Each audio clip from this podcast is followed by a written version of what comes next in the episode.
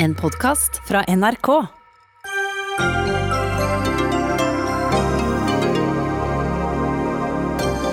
Den danske utenriksministeren er anmeldt for voldtekt. Først nå skylder metoo over Danmark. Lågendelta er fredet, men skal få ny firefelts motorvei tvers over naturreservatet. Nå må vi innse at naturen ikke bare er noe andre land skal ta vare på, sier biolog Dag Hessen.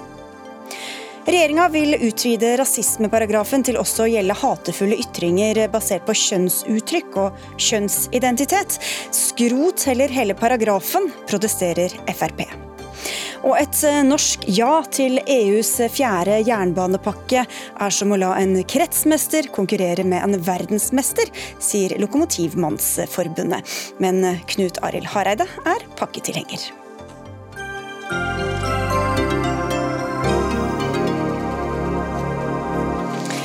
Dette og mer til her i Dagsnytt 18 på NRK P2 og NRK1. Jeg heter Sigrid Solund.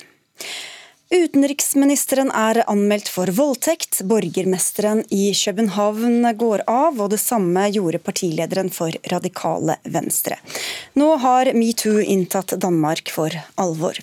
Situasjonen endrer seg nærmest time for time, skriver du i Dagens Næringsliv, hvor du er kommentator Eva Grinde, for det skjer mye i Danmark nå. Det gjør det absolutt. Og det aller siste nå er jo at, eller fra i dag, da, det er jo at eh, utenriksministeren Kofod eh, er anmeldt for voldtekt eh, for åtte år siden av en 15 år gammel jente. Eh, det står jo ganske sånn dramatisk i motstrid til hva hans eh, sjef, statsminister, eh, statsministeren i Danmark, sier om den saken. Så, mm, så, det blir spennende å følge utviklingen på det. Men ellers så var det jo veldig dramatiske døgn søndag og mandag. Da vi hadde nestlederen i Sosialdemokratene som Frank Jensen, som gikk av i går klokka tolv. Da hadde han stått søndag kveld og sagt at jeg, jeg, er en tafser, jeg er en overgriper. Jeg har uh, foretatt meg uheldige ting opp gjennom 30 år lang politisk karriere. Men jeg ønsker også å være en som er med å rydde opp. Men uh, det fikk han ikke så lang tid på å prøve å gjøre, fordi da, dagen etter, så etter press bl.a. Fra, fra statsminister Mette Fredriksen og, og, ledelsen i partiet, så, så trakk han seg. Mm -hmm. Hilde Sandvik, programleder for radioprogrammet Norsken, svensken og dansken, som bl.a sendes her på NRK P2. Hvor alvorlige er de sakene som kommer fram nå? De er jo veldig alvorlige. og Det som er det spesielle med, med saken i Danmark, er at det både er navngitte kilder og veldig navngitte krenkere. Um, dette er jo saker en har kjent eh, lenge.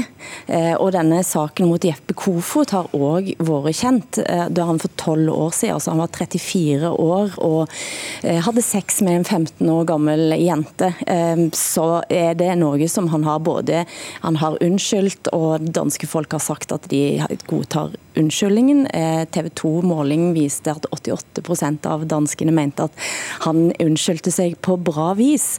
Jeg tror nå at stemningen er er i ferd med å snu. Eh, og hvor lenge Jeppe Kofot kan sitte, det vil tida vise. For Mette Fredriksen er jo òg kjent for å snu litt kappene etter vinden. Eh, og hvis presset blir stort nok, så spørs det hvor lenge han faktisk kan sitte. Men hun er, det, eh, Eva Grinde sa at Frank Jensen gikk av etter press fra Mette Fredriksen og ledelsen, og det har Mette Fredriksen sagt at hun ikke vil kommentere. Mm. Han gikk av og sa at han gjorde det sjøl, og det tror jeg òg var viktig for statsministeren. Fordi det betyr òg at hun har mer rene hender i saken med utenriksministeren.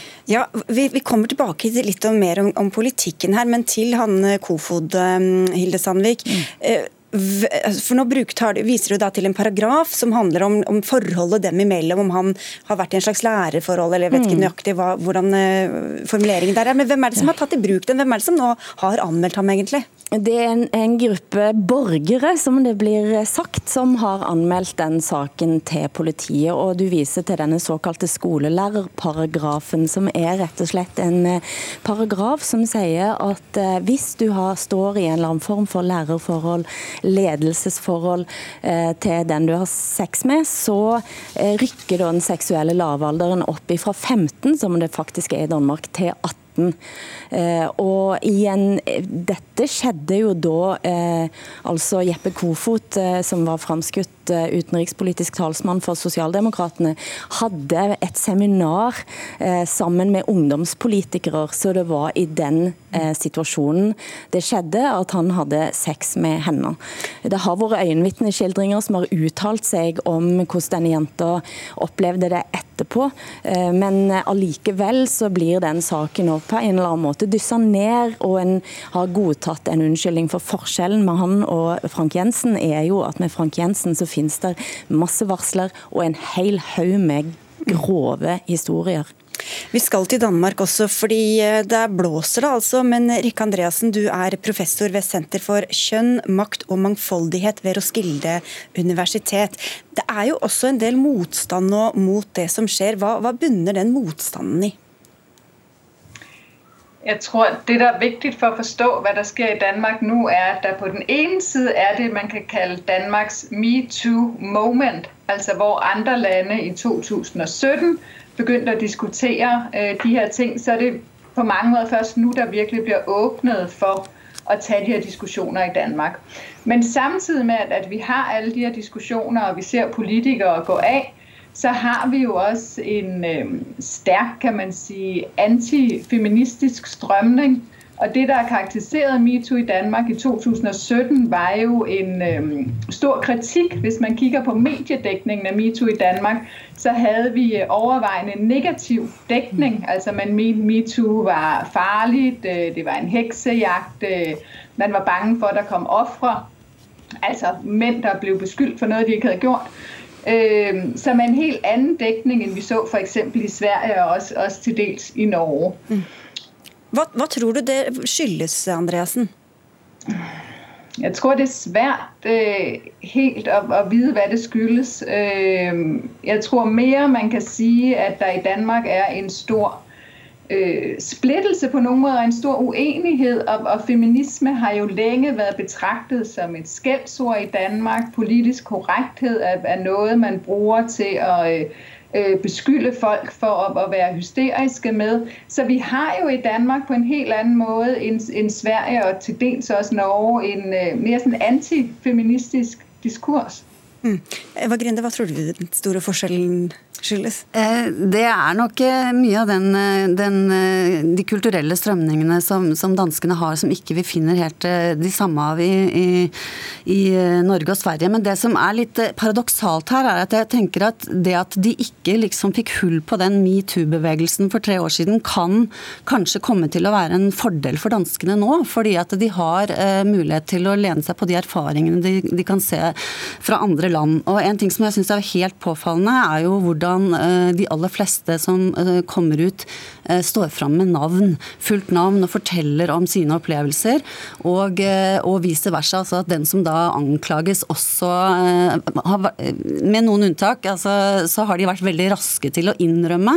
Og dermed så blir det enighet om de faktiske forhold, og man unngår den type avsporing som vi så så veldig sterkt i Norge i Arbeiderpartiet, hvor, man, hvor det ble snakk om at dette er maktkamp, det er ikke sant, det skjedde ikke, det er andre motiver osv. Og da går det an å få snakket om problemstillingen og legge den på bordet på en annen måte i, i Danmark, vil jeg tro. Og Rikke Andreassen, Det var jo kanskje særlig programlederen Sofia Linde som på direktesendt TV fortalte om grenseoverskridende atferd som sparket dette i gang. Hvor, hvor viktig var det for det, det vi ser skje, skje der nå?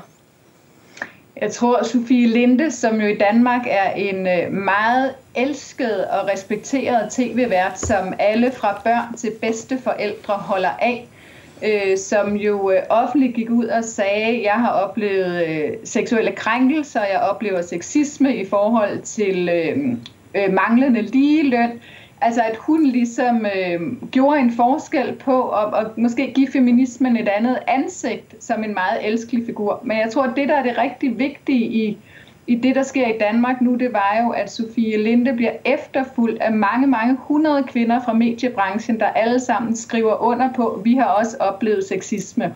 Så har vi mange mange hundre øh, kvinner i politikk der skriver under på det samme. Mange hundre øh, læger på hospitalerne, der skriver under på det samme. Øh, over 700 i øh, universitetsverdenen, akademier, der skriver under på det samme. Så det, der også sker i Danmark, udover de her folk, der træder frem og, og navngivelse, det er jo, at vi får rigtig, rigtig, rigtig mange kvinder og også nogle mænd, der fælles siger, det her er et problem, og det gør også i modsætning til 2017, så kan vi se det her mere som en kultur og en struktur nu, som, som rigtig, rigtig, rigtig mange er utsatt for, øh, og ikke bare noen enkelte. Og, og jeg håper også, at vi kan holde fast ved, selv om der nå er noen politikere, der blir peget ut, og, og holde fast ved det der med, at øh, det nå blir synlig det er struktur og kultur, vi snakker om, og ikke enkelt individer. Hilde Sandvik, hvordan, øh, hvordan vil du beskrive forskjellen på feminismen i Norge og feminismen i Danmark? Den, eh, den, nordiske feminismen spriker. I Sverige og Norge så hadde vi en, en mye større statsfeminisme, rett og slett, fra 70-tallet og opp som gikk inn, særlig i Sverige, gikk inn i universitetene og i politikken. Og en snakker nå veldig eh, med stor stolthet om at en har en feministisk utenrikspolitikk, f.eks.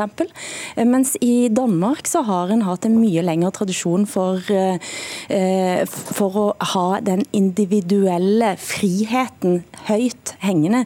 Altså Frisinn er en av de viktigste verdiene i den danske kanoen.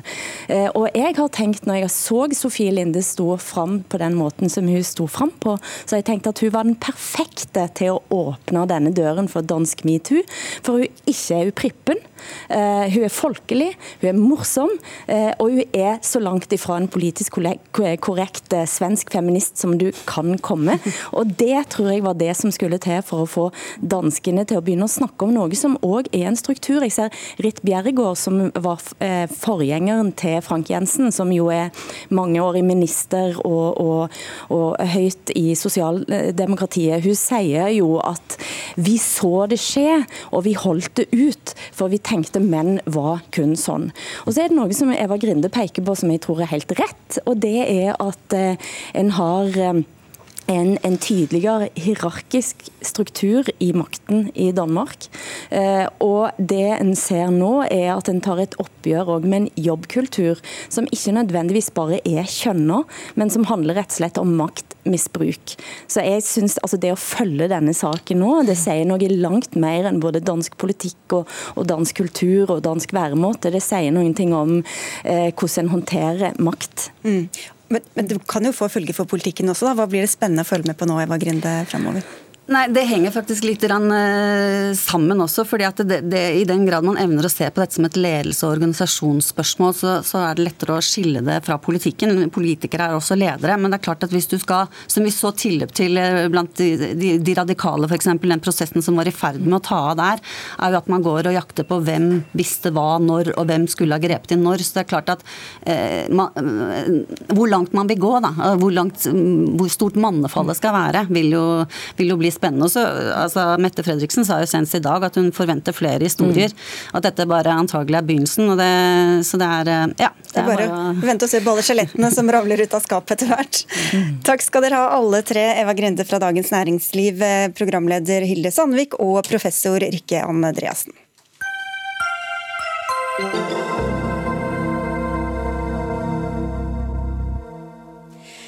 I 1990 ble området fredet som naturreservat. Nå er det planlagt en ny firefelts motorvei over Lågendeltaet, der Lågen renner ut i Mjøsa. Utbyggingen på E6 er en del av veisatsinga mellom Oslo og Nordvestlandet. Mer om det straks, men først biolog og professor ved Universitetet i Oslo, og opprinnelig fra Lillehammer selv, Dag O. Hessen. Hvordan vil du beskrive dette naturområdet hvor nå det er planlagt asfalt? Ja, Det er et, et, av de få gjenværende deltaområdene vi har. Altså Veldig mange av norske deltaer og deltaer internasjonalt er bygd ned. og Dette er jo en unik biotop fordi det er et veldig naturrikt og også fint område for opplevelsesverdi. Hva er et delta, egentlig? Delta er der hvor en elv, i dette tilfellet Gudbrandsdalslågen, munner ut i en innsjø, i dette tilfellet Mjøsa. Og Det er et svært område, og det har vært eh, ja, et viktig område for fugl i mange år. Og som du sier nå, så ble det jo vernet for noen år siden. Hvorfor er det så viktig, da? Eh, det er viktig av flere grunner. Først og fremst selvfølgelig fordi det er altså som et reservat så skal det jo ta vare på det biologiske mangfoldet som er der primært fugler, men også mye annet. Men det er også viktig å ha med seg at dette er et viktig rekreasjonsområde. Folk padler der, øh, jogger der, går tur der. I hele tatt et viktig område for nærmiljøet. Selv om det altså i perioder da er stengt for ferdsel, nettopp fordi det er et reservat. Ja, fordi Det er jo fredet, hva, hva innebærer det egentlig sånn i lovverket?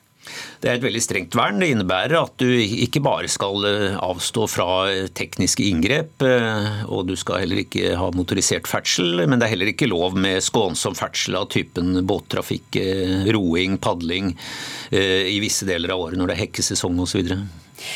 Samferdselsminister Knut Arild Hareide, det er altså fredet mot som vi hører, det er mot jakt og fangst og bygninger og veier og nye plantearter, slipp av hund. Hvordan kan det da legges opp til å bygge en firefelts motorvei der? Ja, Det må jo en dispensasjon til hvis det skal skje, selvfølgelig. Og jeg tror at det er jo ingen som ønsker seg at det skal gå en firefelts motorvei gjennom et naturreservat. Eh, men da tror jo jeg at det er gjort et arbeid som har gjort at alle andre løsninger blir sett på som dårligere og mindre egnet. Eh, og vi bygger jo nå veldig mye vei, eh, og vi bygger veldig mye jernbane. Og vi har jo den utfordringen. Det er jo ikke bra naturlig nok eh, naturreservat, men det er jo heller ikke bra om vi tar landbruksjord eller uberørt natur. Så det er en reell utfordring. Men det er jo et planarbeid, og det er jo lokale myndigheter som gjør et arbeid på reguleringer og planarbeid. Sammen med Nye Veier, som er ja. eid av deg. Ja. Det stemmer. Eh, og det er jo den måten, men det er jo lokalpolitiske vedtak som ligger til grunn for, for det reguleringsarbeidet som, som, ligger her. Og I dette tilfellet her så har de da hatt eh, mekling i 2018 Eh, kommet fram til en enighet. Saken er vedtatt i Stortinget i 2019. Eh, og en har sett på at dette er da den helhetlige og beste løsningen som men, i dette tilfellet. Bare helt sånn overordnet, Hvordan kan det i det hele tatt være aktuelt å bygge motorvei i et fredet naturreservat? Det er fordi at eh, nettopp det å bygge vei skaper av og til en del utfordringer. Og her er det sånn at det ville vært veldig store omkostninger å gå utenom dette området. Um, og her er det òg lagt opp til en ganske lang tunnel for både å gjøre at innbyggerne i Lillehammer eh, sparer støy, eh, at vi slipper å ta en del av naturreservatet for å, for å gjøre det. Og det er veldig kostbart. Så det er jo et, det er mange ulike interesser som ligger til grunn. og Skulle det da blitt en for stor omvei, så er det òg en kostnad for eh, samfunnet som, som helhet. Men det er jo ikke noen god løsning Nei. å bygge en vei i et naturreservat. Det tror jeg alle forstår. Unnskyld, men bare litt mer om dette vernet, Dag Åhesten. Hvor, hvor sterkt vil du si at det står i praksis i, i Norge? Eh, ja, Juridisk så er det et ganske godt vern. og Vi har jo i Norge en ganske unik lov gjennom biomangfoldloven, som også er tenkt å være en overordnet eh, lov. Så i og for seg er det ikke lovene eller forskriftene heller som, som, det skorter på, men det er håndhevelsen av det. Og vi ser jo her hvordan naturen trekker det korteste strå. fordi det eneste det har vært diskutert, er det hvor traseen skal gå, ikke om den skal gå her. Og at man salderer da et stykke ganske unik natur mot noen få minutters innspart kjøretid. For det fins jo en vei allerede. Du viser til prosessen, Hareide, men det er jo nettopp den du også kritiserer, Arne Nævra. Du sitter på Stortinget for, for, SV. Hva er det som er kritikkverdig ved hvordan, det, hvordan dette har gått til, mener du?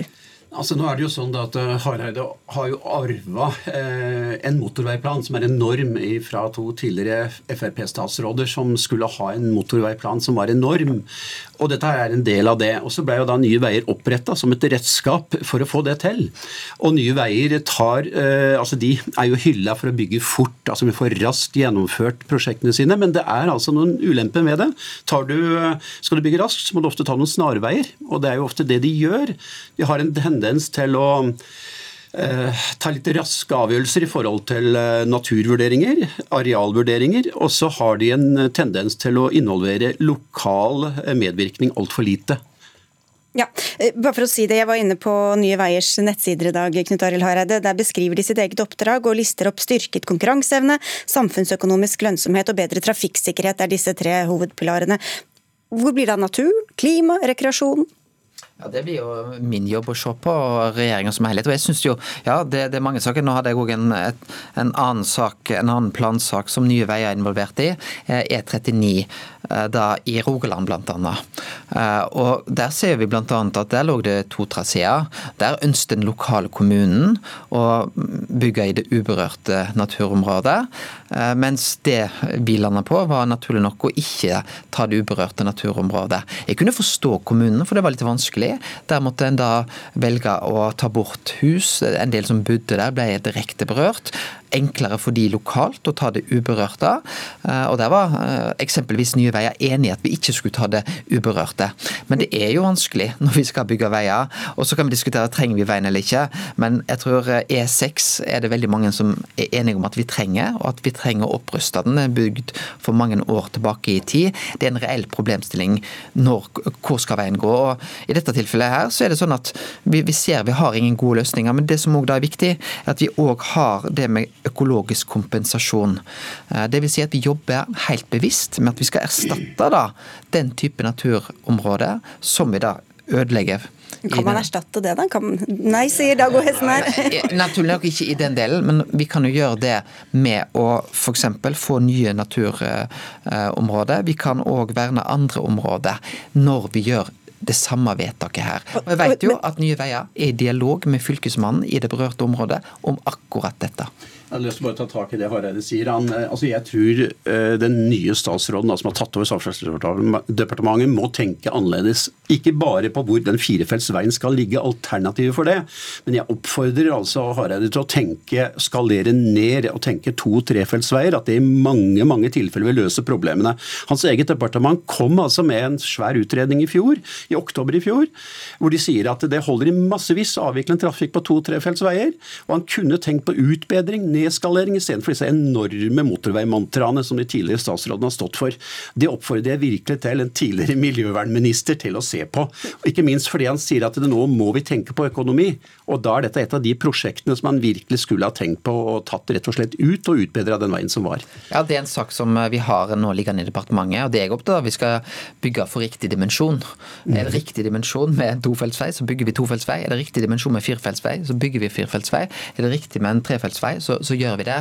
Vi må bruke for en riktig dimensjon. Men E6, dette er altså veien, jeg har lyst til å si det, som går mellom eh, Trondheim og Oslo. Eh, det er en av de viktige mm, hovedfartsveiene våre i landet. Ja, men Det er jo ikke det at det ikke går en E6 eh, allerede, som kan utbedres noe. men Hele poenget her er at et lite erstatningsareal, eller ja, det kalles jo ofte en Jeg ser at Nye Veier kaller det grønn, et grønt prosjekt også. Det syns jeg er en ekstremt tilfelle av grønnvasking. Men det finnes ikke noe som kan erstatte et sånt areal når det først har gått tapt. Og hele premisset som sagt er at dette innebærer en stor samfunnsøkonomisk gevinst og en tilsvarende kostnad ved ikke å gjennomføre det. Den har jeg ikke sett Eh, godt analysert. Så vidt jeg vet er det ingen åpenbare pressgrupper som står på for å få gjennomført dette, annet enn veimyndighetene selv. Nei, jeg har vært i kontakt med, med ordføreren i Lillehammer i dag, Ingunn Trosholmen. Hun viser til at det var flertall for denne vesttraseen da det ble behandlet i kommunestyret, fordi dette alternativet som du var inne på, Hareide, ble oppfattet som mest skånsomt for lokalsamfunnet. Det andre var kanskje tettere på bebygning osv. Men så peker hun også på at det er statlige myndigheter som skal gi denne dispensasjonen fra vernemyndighetene. Da jeg spurte deg stad hvem som skulle ta hensyn til klima og miljø, så sa du det var deg. Betyr det at du skal gripe inn i denne saken, eller hva gjør du egentlig? Bare for å ta akkurat denne saken her. Det, altså det er vedtatt i Stortinget. Eh, traseen, eh, valgene òg gjort. Men her kan altså da eh, det, det, må jo en dispensasjon til for å kunne bygge et naturreservat. Ja, for man bryter jo loven da. Da er det fylkesmannen som får det, og så er det lov til å påklage det vedtaket. Og da går det til Miljødirektoratet. Og da er det jo den annen statsråd som er ansvarlig for Men hva har dere sagt til fylkesmannen da når det gjelder lokal bestemmelse over f.eks. veisaker? Ja, her var det en mekling i 2018, hva som ble sagt til Fylkesmannen i 2018. Men, men jeg, jeg, har tillit Poenget mitt er at dere har bedt Fylkesmannen om å ikke bry seg så mye rett og slett med sånne saker? Eh, nei, jeg tror det er viktig. Jeg visste jo bl.a. til den saken jeg nettopp behandla nå, E39 eh, i Rogaland. Der var jo Fylkesmannen en av de som var veldig tydelig på du kan ikke gå i uberørt natur. Og når jeg fikk den saken på mitt bord, så fikk jeg et tydelig råd om at det er ikke akseptabelt hvis jeg velger den som da gikk i uberørt natur. Så Vi må i hvert fall kunne innrømme at den regjeringa som sitter nå, har gjort det lettere å bygge ut og bygge ned. Og Det er en erklært politisk målsetting, og det har de sannelig min hatt vært effektive på. Det har de fått til. Og Da syns jeg nok det at vi er nødt for oss å tenke annerledes i forhold til disponering av arealer. Men, men, Nye Veier sier jo også at de er opptatt av å få innspill, sikre en medvirkning. Er det noe som tilsier at det ikke har skjedd her? At det har skjedd noe feil i, i prosessen? Altså det som, eh, altså jeg tror det at man er låst fast i å altså ha en firefelts motorvei et eller annet sted, istedenfor å tenke nedskalering, tenke utbedring av den, eh, av den, veien som er. Og jeg tror også, altså Det er ikke større trafikk der enn at det hadde absolutt vært mulig. og Det har jo Statens vegvesen sagt sjøl. Og i 2014 sa Statens vegvesen at det kan ikke legge veien der han nå er foreslått å ligge, fordi at det var for store naturverdier. Og så har de snudd da i løpet av noen få år. Jeg vet ikke hva som har skjedd i mellomtida.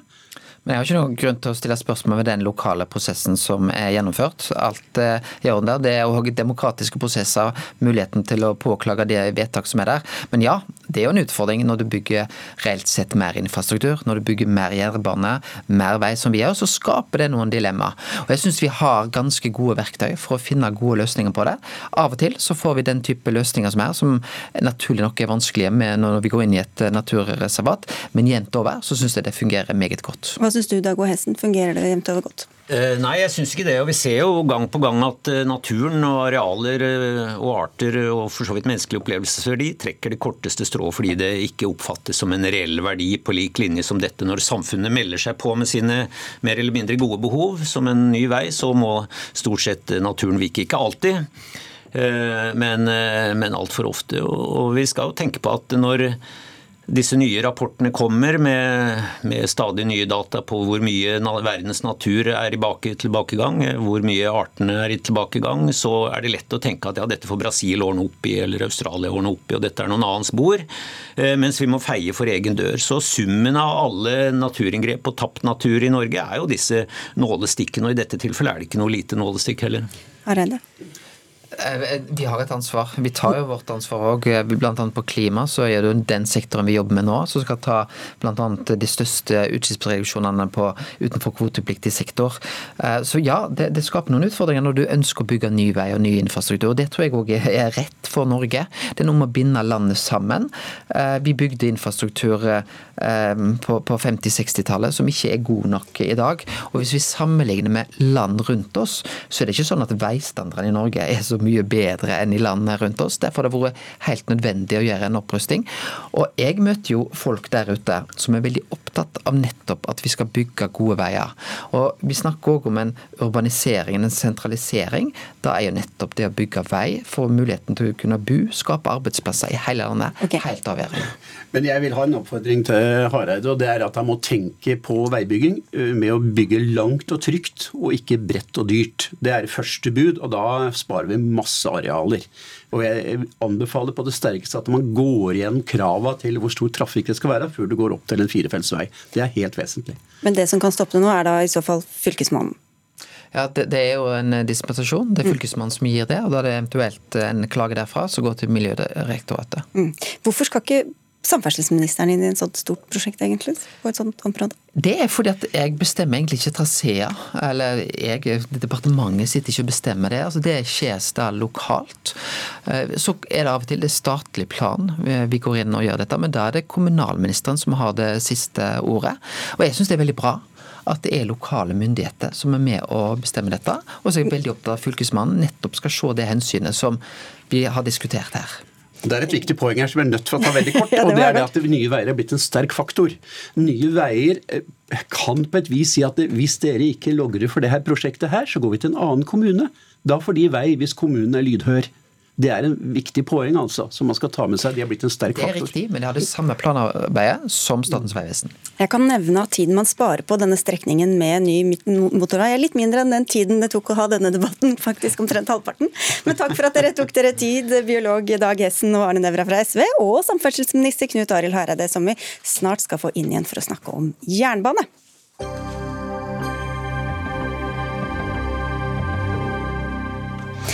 Vet regjeringa hva de koster, de klimatiltakene den selv setter i verk? Nå vil Frp ha summene på bordet.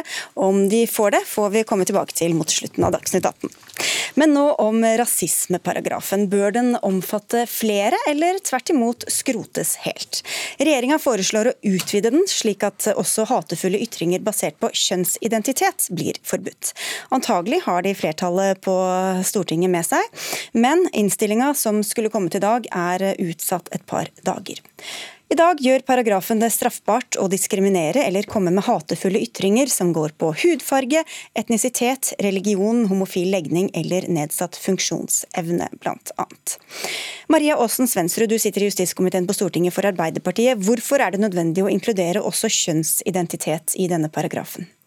Mm. Demokratiet vårt det krever, trenger og fordrer at folk har ytringsfrihet. Eh, og vi får mange tilbakemeldinger fra folk som eh, er hetset til stillhet, og som ikke kan bruke sin stemme i samfunnsdebatten. Det svekker verdiene vi bygger samfunnet vårt på, og det svekker demokratiet vårt.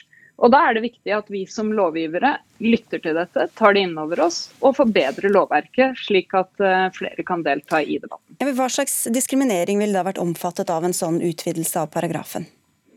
Nei, for så kan du da ikke hetse, sjikanere eller true noen på bakgrunn av eh, f.eks. Eh, om de er eh, transpersoner. Ja, det er vel det kanskje greiste eksempelet.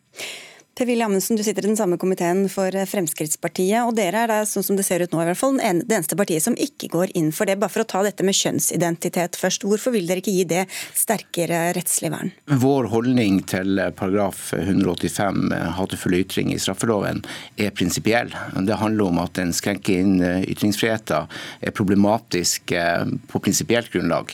Og Da er det selvfølgelig unaturlig for oss å være med på å utvide Eh, holdt på å si, hvilken gruppe som, eh, som, vernes av den. Eh, så Det er et prinsipielt standpunkt. Det handler ikke spesifikt om de gruppene som tas inn nå.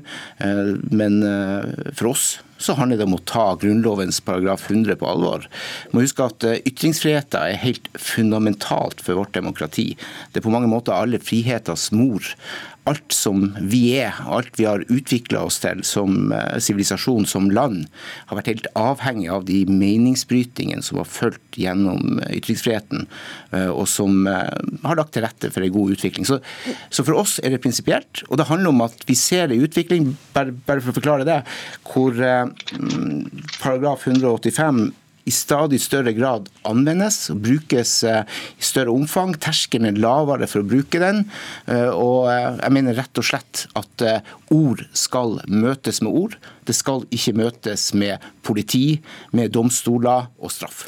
Men når man da ser hva som kan bli sagt i mange forskjellige fora, og vet også at mange da lar være å ytre seg pga. det skal vi kalle det ytringsklima.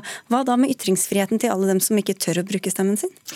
Jeg tror det, her er sammensatt problemstilling. Det er det viktig å skjønne at én ting er de som ikke tør å ytre seg, eh, for de kanskje opplever et, eh, et, klima som ikke er bra. og Det er jeg enig i. Vi har alle et ansvar for å sørge for eh, å ha saklig, gode, skikkelige debatter basert på kunnskap og fakta, og at vi har respekt for hverandre.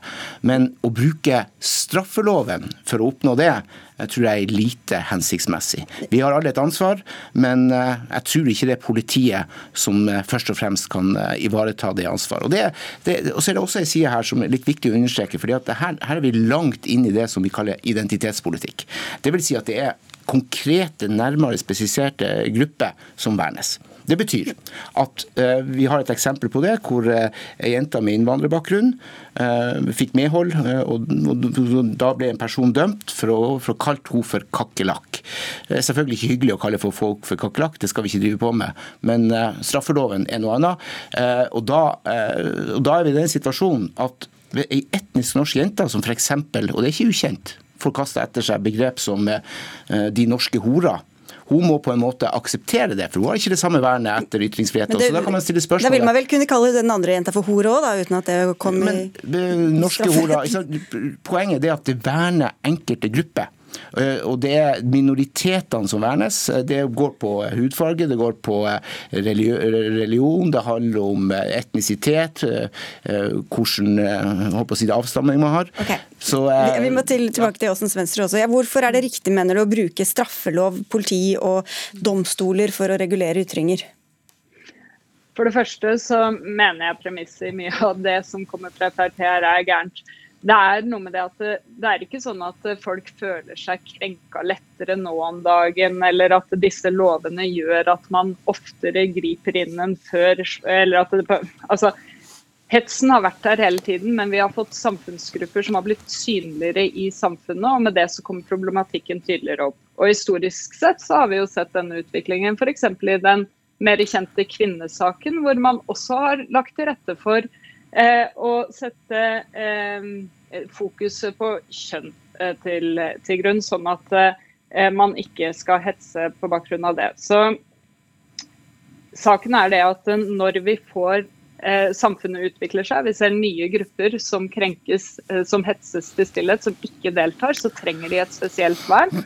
Og klarer vi å få på plass det, så vil flere kunne delta i samfunnsdebatten. Men det, Problemet her er at de grensene som da trekkes opp etter paragraf 185, eh, de, de er veldig vage. De er veldig uforståelige, de er utydelige, og det fører til at rettspraksis endrer seg. Eh, og at det er et veldig stort skjønnsrom. Er, er, det andre, Har du mange eksempler på at ja, noen er domfelt som du mener ikke burde vært det? Jeg, jeg, kan legge frem en lang liste som helt åpenbart tyder på at det har vært en større bruk av paragraf 185, at terskelen blir lavere, og endog når Arbeiderpartiet satt i regjering, så instruerte man faktisk om at terskelen skulle være lavere. Så dette er lett å, å, å, bevise.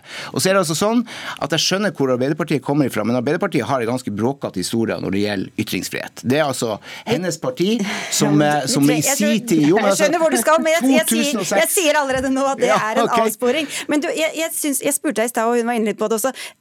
Skjønner du at det kan være vanskeligere for enkelte minoriteter å tørre å ytre seg enn det er for deg og meg, f.eks.? Men eh, hvorfor er det altså Jeg mener jo at vi har alle et ansvar. Men, men tar folk det, det ansvaret? det er en terskel som altså Den enkelte må, må ta det ansvaret. Og så er det altså sånn at, Unnskyld. Hør her. Altså, den enkelte person kan ha en subjektiv opplevelse av hva som er hat, hva som oppfattes eh, som, eh, som, krenkende.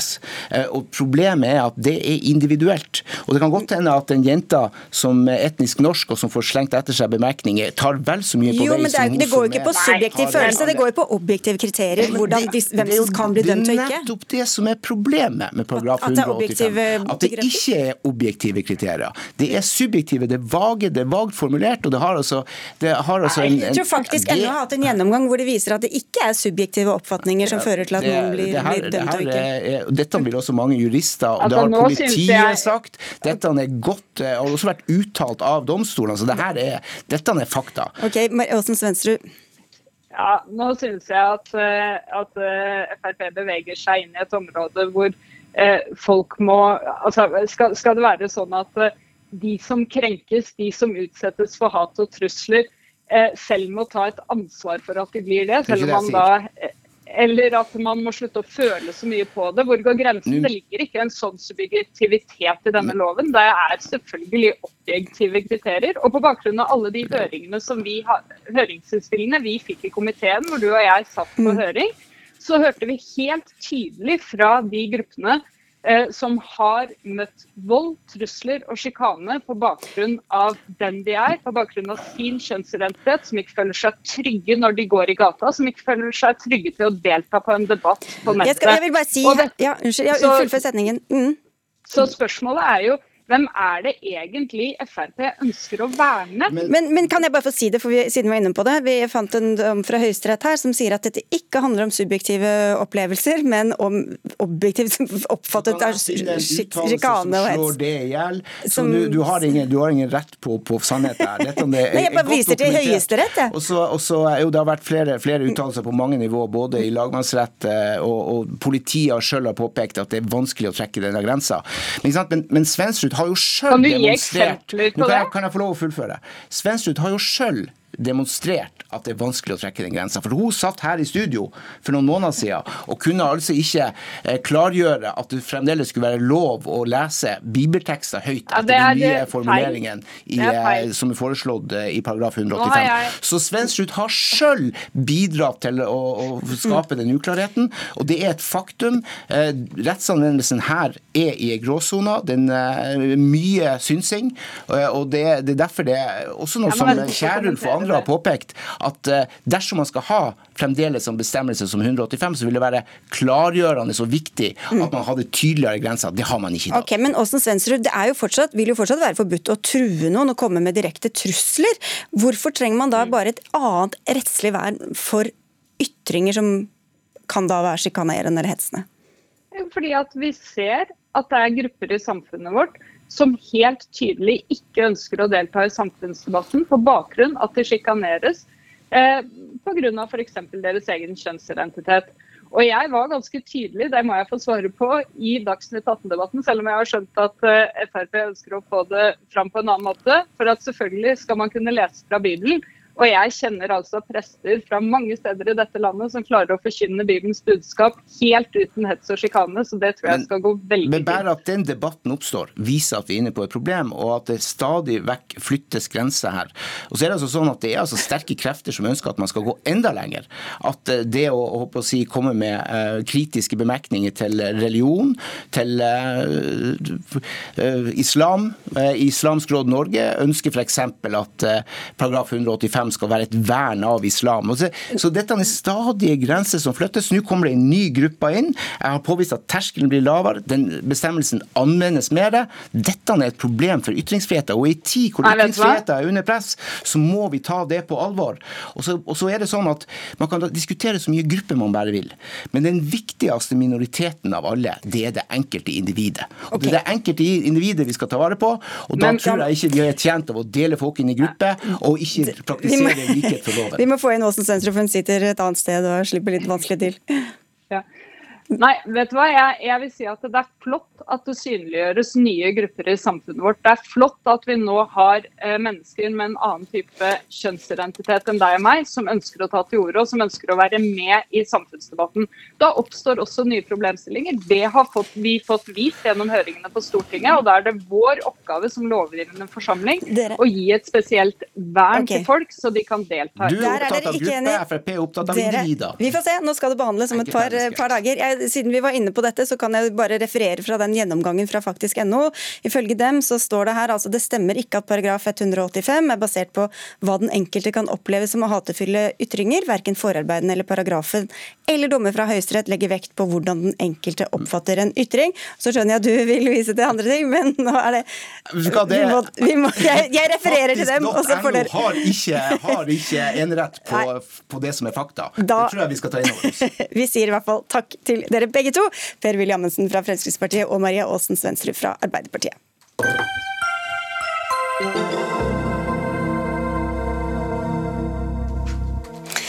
Ja, fra veiutbygging tidligere i sendinga skal det nå som lovet handle om jernbane, nærmere bestemt om EUs fjerde jernbanepakke og norsk deltakelse der. Det skal Stortinget stemme, om, stemme, over om tre uker, og det handler da bl.a. om hva slags togmateriell vi skal bruke, om sikkerhetsregler og økt bruk av konkurranse, og en standardisering av europeisk jernbane. Og velkommen tilbake, samferdselsminister Knut Arild Hareide. Pense norsk jernbane inn på EU-sporet, hvorfor det? Ja, det er jo sånn at Dette mener jeg er en fordel for norsk jernbane. Eh, Jernbanepakke 1 og 2 og 3 var jo fordi at vi som er glad i jernbanen, at den skal få muligheten til å ha en positiv vekst, og egentlig legge til rette for at ikke den skal tape opp mot andre transportformer. Det var tanken bak EU, og det er det som ligger til grunn òg for jernbanepakke 4. Eh, så er det sånn at det er ett element som jeg tror jeg kaller politisk kontroversielt her. Det er det som går på konkurranse. Nettopp fordi det ligger en betydelig del av konkurranse her. Men det er heller ikke sånn at det er det eneste som, som bærer. Det finnes òg unntaksmuligheter gjennom jernbanepakke 4 og på konkurranse, hvis den har gode grunner for det. Men hva er det vi trenger denne jernbanepakka til, som vi ikke kan gjøre på egen kjøl? Det er jo sånn at Vi er en del av samarbeidet med jernbane i Europa. og Vi får mange gode av det. og Dette er en del av å egentlig standardisere. Gjøre det enklere, mindre byråkrati. Og jeg ser jo at de som er i jernbanen, de er opptatt av dette. De er positive til dette. Jernbanetilsynet er positive til dette. De aktørene som er der, de gjør det enklere. Gå et tog mellom eh, to forskjellige land, så blir det sånn at du får ett regime å forholde deg til. Og det går ikke utover sikkerhet. Vi styrer norsk jernbane sånn som vi har gjort før, fullt og helt. Eh, men vi får på en måte en bedre koordinering, samordning. Jeg syns det er bare gode argument for ja. å si ja til dette direktivet. Bare gode argumenter. Eh, da spørs det hva du har å komme med, Grete Thorsen. Du er forbundssekretær i Norsk Lokomotivmannsforbund, og dere har, som også store deler av opposisjonen på Stortinget, satt standpunkt mot, og hvorfor det, når det bare er gode argumenter for? EUs fjerde jernbanepakke handler om hvor beslutningene over norsk jernbane skal tas i framtida. Er det av norske folkevalgte, eller er det av EU og ERA? Ehm, det å si ja til jernbanepakke 4 betyr at eh, Norge avgir eh, suverenitet og myndighet til EU og til ERA, som er et organ Norge ikke er medlem av. Eh, det strider også med EØS-avtalen og topilarsystemet, for her avgis myndigheten direkte til EU, ikke via EØS og EFTA. Eh, organer, eh, og vi mener at bare behandlingsmåten her er i strid med grunnloven. grunnloven. Men, men, hva slags praktiske konsekvenser tror du den kan få som, som du mener er negative for norsk jernbane? Eh, jeg syns det er negativt at man eh, fratar framtidige norske folkevalgte å ta kloke valg over norsk jernbanepolitikk hvis man finner ut at man ønsker en annen type jernbanepolitikk enn den som er den førende for øyeblikket. Når det gjelder togkonkurranse, så vi gir ikke jernbanepakke 4 nå gevinst i det hele tatt. Vi har togkonkurranse i Norge. Vi har uh, togkonkurranse på gods, det har vi hatt siden jernbanepakke 2 i 2007. Uh, togkonkurranse på grenseoverskridende kjøring, det fikk vi i 2009 gjennom jernbanepakke 3. Eh, og nå skal man implementere da, via den pakka her, konkurranse på innenlands persontrafikk i de enkelte landene. Så denne her pakka her, den betyr at samme selskap skal kunne kjøre lokaltog både i eh, Oslo og Berlin, men det vil ikke gi noen flere tog mellom Oslo og Berlin. For det handler ikke denne pakka her om i hele tatt. Mm. Og det er en stor misforståelse at den handler om grenseoverskridende kjøring, for det gjør den ikke. Okay. Men det, det overordnede her, hvorfor skal man gi fra seg råderett i det hele tatt over egen infrastruktur? Eh, det er jo sånn at eh, det vi sier ja til her, er jo konkurranse. Eh, og det kan vi være uenige om. Det, det tror jeg jeg skal innrømme at ja, jernbanepakke 4 åpner for mer konkurranse. Jeg mener jo det er bra. Jeg er den ministeren som øker jernbanebevilgningene desidert mest noen gang. Det gjorde vi da vi la fram budsjettet. Vi vil satse på jernbanen. Og jeg tror det er bra å ha en konkurranse hvis du ønsker å utvikle jernbanen i Norge. Men til det overordnede, da. Hvorfor, hvorfor gi fra seg selvbestemmelse? Ja, Det er jo fordi at vi sier ja til at du kan få lov til å få godkjenning av jernbanevogner og sikkerhetssertifikat på en felles måte. Fordi at du skal slippe å søke i hvert eneste land. Så kan jo Jernbanetilsynet, hvis de opplever at dette ikke er godt nok, så kan de si stopp. Så vi beholder jo kontrollen, men vi gjør det forenkla forbedra, og vi er en del av jernbanesystemene. Og vi har gjort akkurat det samme på luftfarten. Okay. Der er det jo sånn at vi har akkurat det samme systemet der. Da vil jeg, sånn, da vil jeg protestere på det, for det at den felles kjøretøysgodkjenninga den får du ingen effekt av.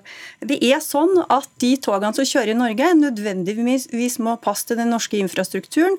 Det er sånn at alle tog i Europa må passe til den infrastrukturen de faktisk kjører på, og Europa har en veldig forskjellig infrastruktur. Du har forskjellige sporvidder, du har forskjellige strømsystemer, du har forskjellig eh, profil på togene, du har forskjellig høyde på togene i forhold til tunnelene. Så hvis du godkjenner eh, Eller det er ikke sånn at du får en godkjenning av togsetta som er tilpassa flaskehalsene i europeisk jernbane. Her er det snakk om minimumsstandarder. Du kan ikke komme med italienske lokaltog eh, på Bergensbanen sjøl om de er godkjent til okay, det. Så i realiteten så blir det ikke noe sånn ingen verdi av, Det blir ikke norske tog i Italia eller italienske tog i Norge? Ingen verdi. Så du avgir myndighet uten å få noe igjen. Ok, Hareide får svare på det. Dette har vi tatt opp når vi har jobba inn mot EU-systemet. Nettopp pga. våre klimatiske forhold har vi fått eh, særegne eh, på det, og strømnettsdelen. Så, så dette har EU-systemet tatt opp. Men det er en forenkling. De som jobber med dette, produsenter er veldig positive til dette. Jernbanetilsynet har sagt dette er veldig bra. Eh, så jeg tror at det er positivt at vi greier å få til mer smooth system, mindre byråkrati. Det mener jeg er veldig bra. Så ligger jo det en, og det må jo vi òg være ærlige på, og si at det, det er jo sånn at Justisdepartementets lovavdeling har sagt at når det gjelder suverenitet, så er det mindre inngripende. Og det er de som har gjort den vurderingen. og. Derfor kan vi òg gjøre dette med da Nå har jo jeg snakka med noen togselskap eh, jeg også da, og eh, har fått hørt at når det gjelder byråkrati, så frykter de at det blir økt byråkrati. Statens jernbanetilsyn bruker to måneder på å godkjenne et togsett, mens ERA har satt eh, en, en frist på fem måneder. Og det norske klimaet vil være det minste problemet her. Det er liksom ingenting i forhold til ulike signalsystemer, ulike det, er ingen opp mot dette. Det er ingenting som, som... Nei, du, får ingen, du får ikke noe gevinst, du bare gir fra deg myndighet over norsk jernbane for framtida uten å få noe igjen for det. Forenkling, mindre byråkrati, det da, er positive. Okay. Da var vi tilbake ved start, tror jeg. Takk skal dere ha. Det er tre uker til den eventuelt eh, bankes gjennom her, så får vi se hvordan det går. Takk skal dere ha, Grete Thorsen fra Norsk Lokomotivmannsforbund og samferdselsminister Knut Arild Hareide. Hør Dagsnytt 18 når du vil. Radio NRK Radio.nrk.no.